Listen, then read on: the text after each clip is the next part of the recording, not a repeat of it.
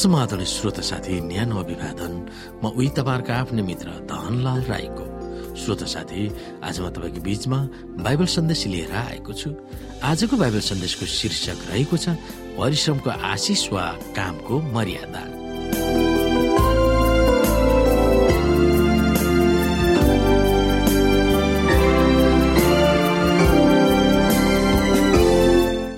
साथी हुनसक्छ तपाईँ धेरै स्वतन्त्र रूपमा धनी हुनुहुन्छ।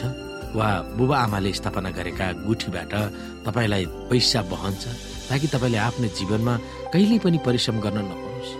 जागिर खान नपरोस् वा पैसा कमाउन चिन्ता नहोस्। तर याद गर्नुपर्दछ पैसा आशिष हुनुको सट्टा कतिपय युवा युवतीहरूले त्यसलाई दुरुपयोग गरेर वियोग हुन पुगेको कथाहरू छ्यापछ्याप्ती भएको हामी पाउँछौँ। तर जे भए तापनि ढिलो वा चाँडो तपाईँ आफ्नो जीवन निर्वाह गर्न कुनै न कुनै काम गर्नुपर्ने नै हुन्छ। हुन त तपाईँ तपाईँको एकदम मनपर्ने काममा संलग्न हुन पाए जसबाट तपाईँलाई प्रशस्त आर्थिक लाभ हुन्छ र त्यसैमा तालिम पाएर वर्षौसम्म काम गर्न पाएको भए तपाईँको निम्ति धेरै असल हुने थियो र सन्तुष्टि पनि हुने थियो होला। त्यस्तो खालको काम आदर्शमय छ तर सधैँ सबैलाई त्यस्तो हुनेछ भन्ने छैन। यस संसारमा पापको प्रवेश हुनुभन्दा अघि नै आदम र हवालाई के आज्ञा गर्नुभएको थियो र त्यसको के महत्व थियो? हामी हेर्न सक्छौँ यहाँ परमप्रभु परमेश्वरले मानिसलाई लगेर अदनको बगैँचामा त्यसको गोडगाड र हेरचाह गर्न राख्नु भएको थियो।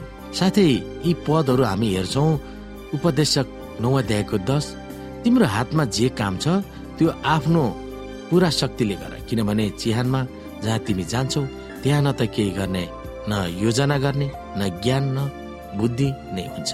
यसै गरी अब भाइ हो हाम्रो प्रभु यशु ख्रिस्टको नाउँमा हामी तिमीहरूलाई आज्ञा दिन्छौ कि हामीबाट तिमीहरूले पाएका शिक्षामा नचल्ने हरेक अल्छे भाइबाट अलग्ग बस किनकि तिमीहरूले कसरी हाम्रो अनुकरण गर्नुपर्छ सो तिमीहरू आफै जान्दछौ। हामी तिमीहरूसँग छँदा अल्छे भई बसेनौ। हामीले कसैको रोटी सित्तैमा खाएनौ तर तिमीहरू कसैलाई भार नहोस् भनेर हामीले रात दिन परिश्रम खटेर काम गर्यौँ। सहायता पाउने हाम्रो हक नभएर होइन तर हाम्रो आचरण तिमीहरूका लागि एक आदर्श बनोस् भनेर हामीले त्यसो गर्यौँ तिमीहरूका साथमा हुँदा हामीले तिमीहरूलाई यो आज्ञा दिएका थियौँ कसैले काम गर्दैन भने त्यसले नखाओस्। माथिका ती पदहरूले बताएको अनुसार कहिले काम नगर्ने हात बाँधेर बस्ने मानिसहरू आफ्नो र अरूहरूको निम्ति किन श्राप हुन गएको देखिएको छ त्यो कुरा हामी विचार गर्न सक्दछौँ।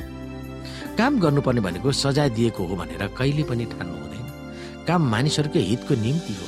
स्वर्गमा नै वा पाप मृत्यु र दुःख कष्ट आउनुभन्दा अघि नै अदनको बगैँचामा परमेश्वरले मानव कल्याणको निम्ति काम गर्नु आवश्यक छ भनेर काम गर्न अराउनु भएको थियो।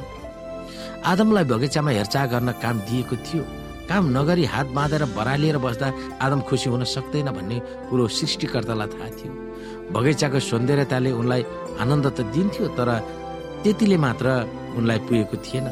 आफ्नो अचम्मको शरीरका अङ्गहरू चलाउन उनले परिश्रम गर्नु पर्दथ्यो यदि केही नगरी मानिस खुसी र सुखी हुन्छ भन्ने परमेश्वरले नै मानिसलाई कुनै काम दिनुहुन्न थियो तर मानिसलाई सृष्टि गर्ने परमेश्वरलाई थाहा थियो कि उनको खुसी र सुखी जीवनको निम्ति के आवश्यकता छ मानिसलाई सृष्टि गर्नुभएको लगतै उहाँले उनलाई कामको जिम्मा लगाउनु भएको थियो। भविष्यको अनन्त जीवनमा र दैनिक आय आर्जनको निम्ति काम गर्नुपर्छ भन्ने आदेश एउटै सिंहासनबाट आएको थियो। तर आदम र हवाको पतनपछि अरू सबै थोकहरू पापको दागले बिग्रे जस्तै काममा पनि अप्रिय असर भएको हामी देख्छौँ। परमेश्वरले आदमलाई भन्नुभयो भूमि तिम्रो कारण श्रापित भएको छ। तिम्रो जीवनभरि दुःखसँग त्यसको उब्जनी तिमीले खानेछौ। उत्पत्ति तिन अध्यायको सत्रमा। हामी याद गर्न सक्छौँ भूमिलाई आदमको निम्ति श्रापित भएको छ भनेर परमेश्वरले भन्नुभएको थियो।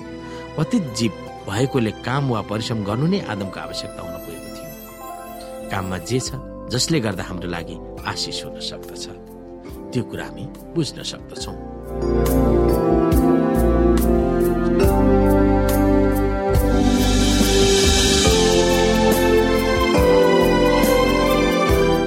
श्रोता साथी आजको लागि बाइबल सन्देश यति नै।